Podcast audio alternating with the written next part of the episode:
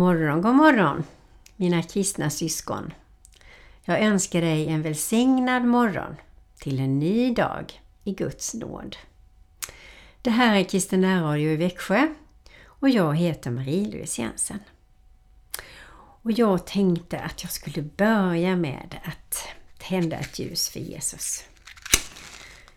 För tack Jesus för ett nådens år. Och nu stiger vi in i ett nytt nådens år. Och vi ber Herre att det här året ska bli ett år mera i din vilja. För vårt land, för våra politikers beslut, för var och en av oss som lyssnar här, för människor som inte känner dig. Att det här året, nådens år, ska bli ett år där fler får lära känna dig. Där fler bestämmer sig för att leva med dig, leva nära dig, ha dig som första prioriteten i sina liv. Och att var och en ska höra din röst tydligt in i sitt hjärta. Så när vi ber böner och råd till dig, Herre, att vi hör det du säger genom ditt ord, genom varandra, våra syskon och in i våra hjärtan. Det ber vi om i Jesu Kristi namn. Amen. I söndags så var vi på gudstjänst och då började man gudstjänsten när man firade första advent med Bereden väg för Herren. Och den salmen är så mäktig tycker jag, så jag kunde bara inte sitta ner när jag sjöng den tillsammans med kören och övriga som var där på gudstjänsten. För jag såg i mitt inre, när jag stod där och sjöng, att Herren kom där fram, glänsande, glittrande, strålande. Och våra böner och våra sånger beredde plats. Han är vår kung, men han är det i våra hjärtan. Och han är det i vår ande, han är det i våra liv. Och nu vill jag väldigt gärna läsa den här salmen för den är så otroligt stark tycker jag. Bered en väg för Herren. Berg sjunken djup står han upp. Han kommer, han som fjärran, var sedd av fädrens hopp. Rättfärdighetens furste, av Davids hus den störste. Välsignad vare han som kom i Herrens namn. Guds folk, för dig han träder, en evig konung upp. Strö palmer, bred ut kläder, sjung ditt uppfyllda hopp. Guds löften är sanna, nu ropa Hosianna. Välsignad vara han som kom i Herrens namn. Gör dina portar vida för Herrens härlighet. Se folken kring dig bida att nå din salighet. Kring jordens länder alla ska denna lovsång skalla. Välsignad vare han som kom i Herrens namn. Ej kommer han med härar och ej med ståt och prakt. Dock ondskan han förfärar i all dess stolta makt. Med andes svärd han strider och segar när han lider. Välsignad var han som kom i Herrens namn. O folk från Herren viket i syndig lust och flärd. Giv akt det helga riket ej är av denna värld ej av dess vise funnet, ej av dess hjältar vunnet. Välsignad vare han som kom i Herrens namn. Den tron som han bestiger är i hans faders hus. Det välde han inviger är kärlek blott och ljus. Hans lov av späda munnar blott nåd och frid förkunnar. Välsignad vare han som kom i Herrens namn.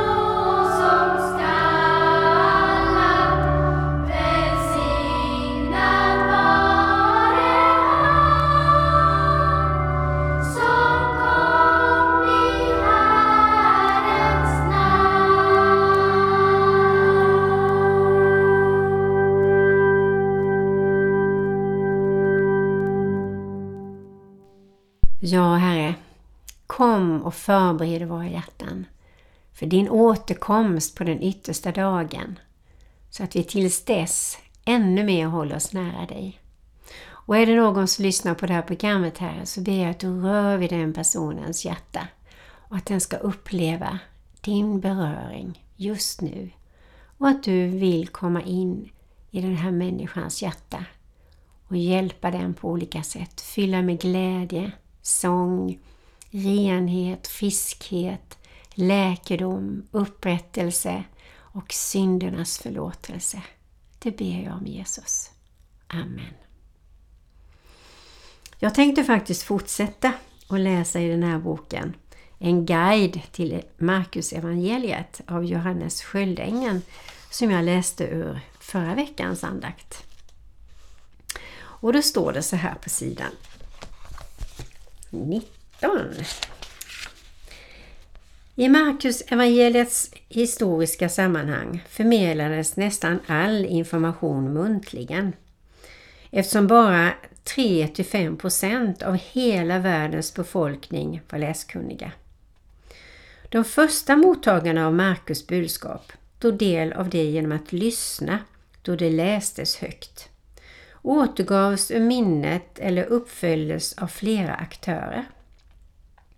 I vår tid läser vi Bibeln i fragment, ett kapitel eller några verser i taget, så som även denna bok är uppbyggd. Kapitel och versindelning har kommit till ganska sent.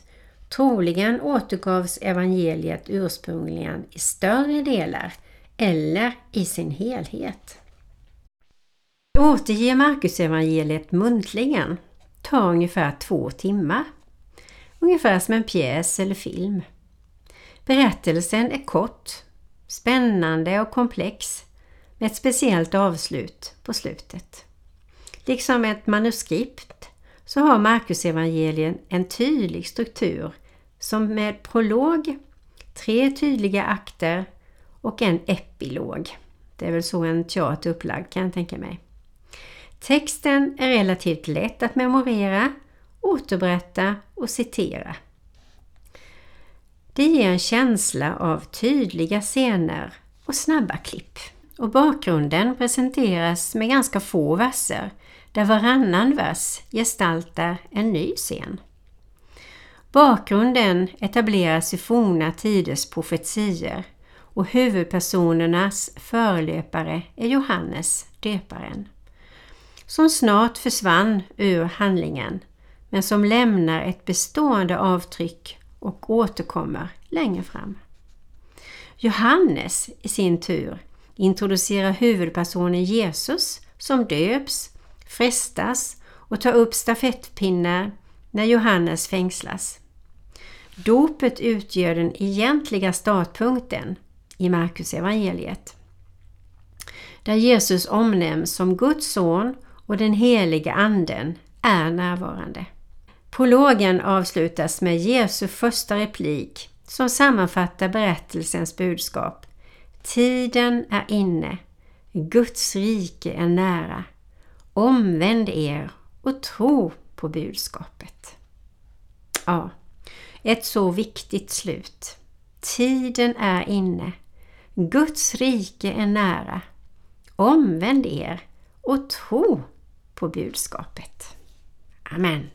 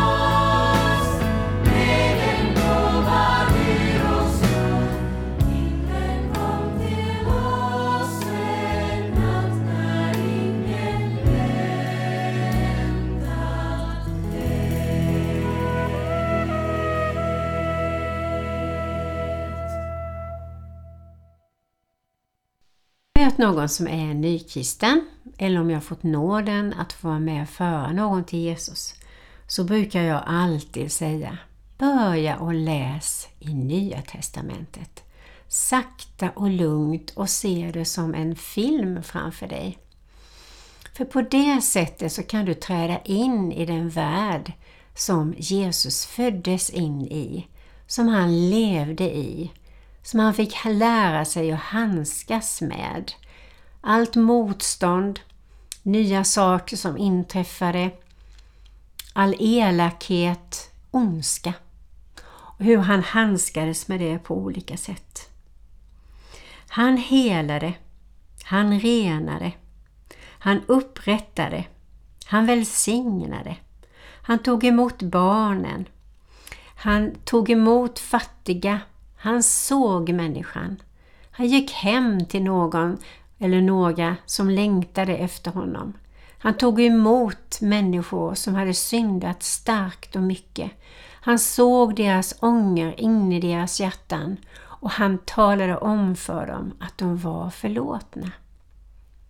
Han gav många liknelser och liknelserna talar till oss än idag. Och jag tänker på dig och mig när vi möter nya människor som har lärt känna Jesus eller som är nyfikna på Jesus, så berätta din berättelse. Hur du mötte Jesus, vad som hände strax innan och vad som hände sen och vad som är viktigt för dig i din gudsrelation idag. Jag hoppar över några sidor så går jag över till sidan 27. Där står det hädanefter i Markus 1, 1-8. Våren 2020 kom nyheten som överrumplade världen.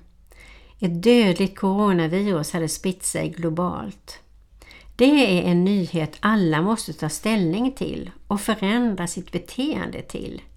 Förbättra handhygien, hålla avstånd, vaccineras, förhindra spridning och ta ansvar tillsammans. De allra flesta har gensvarat på detta. Och i denna stunden, skriver författaren, så är fortfarande pandemin inte helt över. Världen är sargad, mänskligheten sörjer och många känner maktlöshet. Är framtiden ljus? Finns det hopp? Finns det goda nyheter?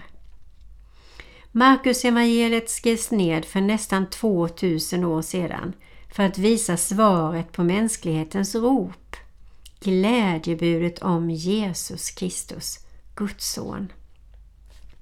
Det är de bästa nyheterna mänskligheten någonsin fått. Världen är uppenbart trasig och Guds son kommer med sitt rike för att hela och upprätta. Det är ett evangelium för hela skapelsen som det står i sista kapitlet 16 och 15 i Markus.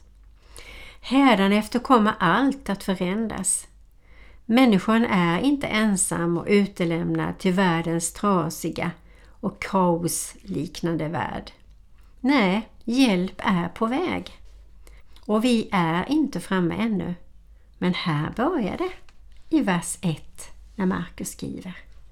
Och tar vi oss igenom Nya Testamentet sakta men säkert och äter in orden och ber Gud att vi ska minnas dem så förstår vi sakta men säkert vilken fantastisk Gud vi har.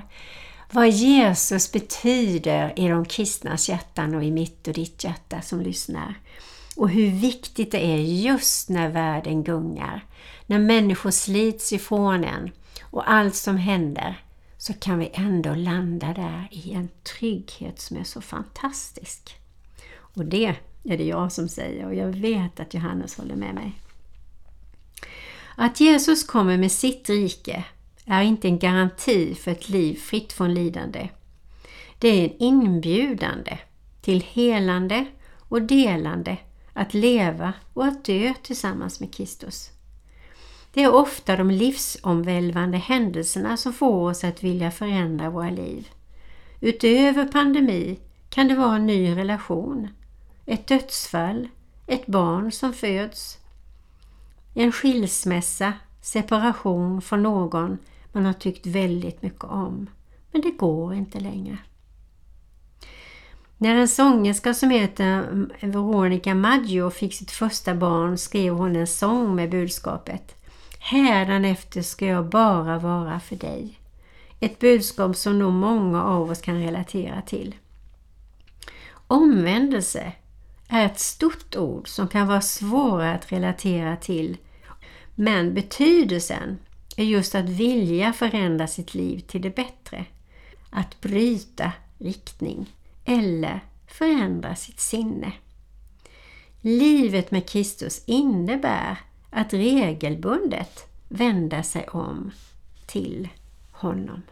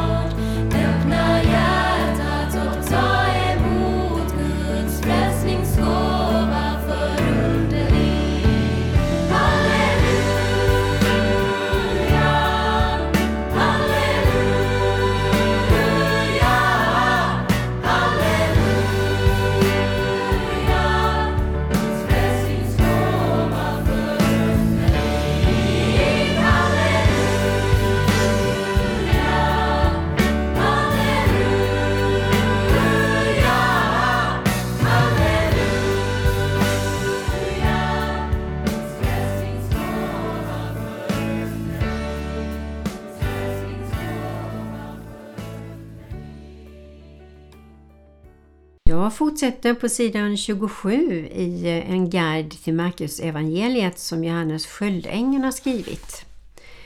Och där står det Våren 2020 kom nyheten som överrumplade världen och dödligt coronavirus har spridit sig globalt.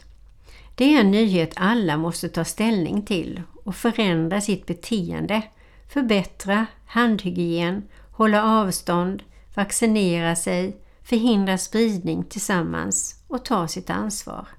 De allra flesta tog det. I skrivandets stund är pandemin fortfarande inte över, trots stora insatser.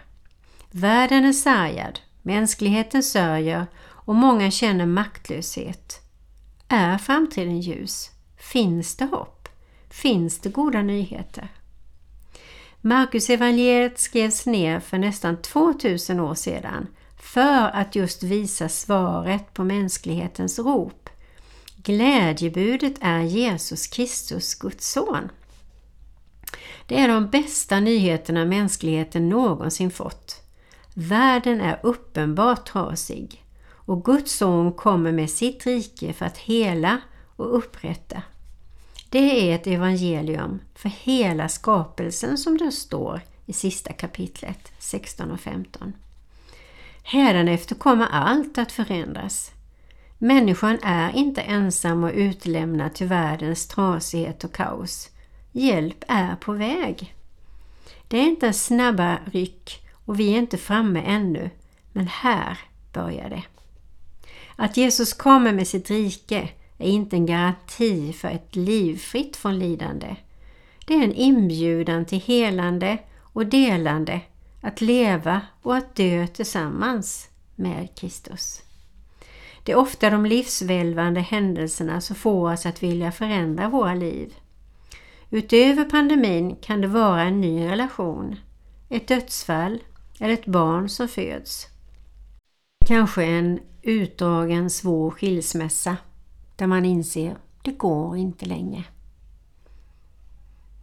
Monica Maggio fick det första barn. Då skrev hon en sång med budskapet Hädanefter ska jag vara bra för dig. Ett budskap som nog många av oss kan relatera till.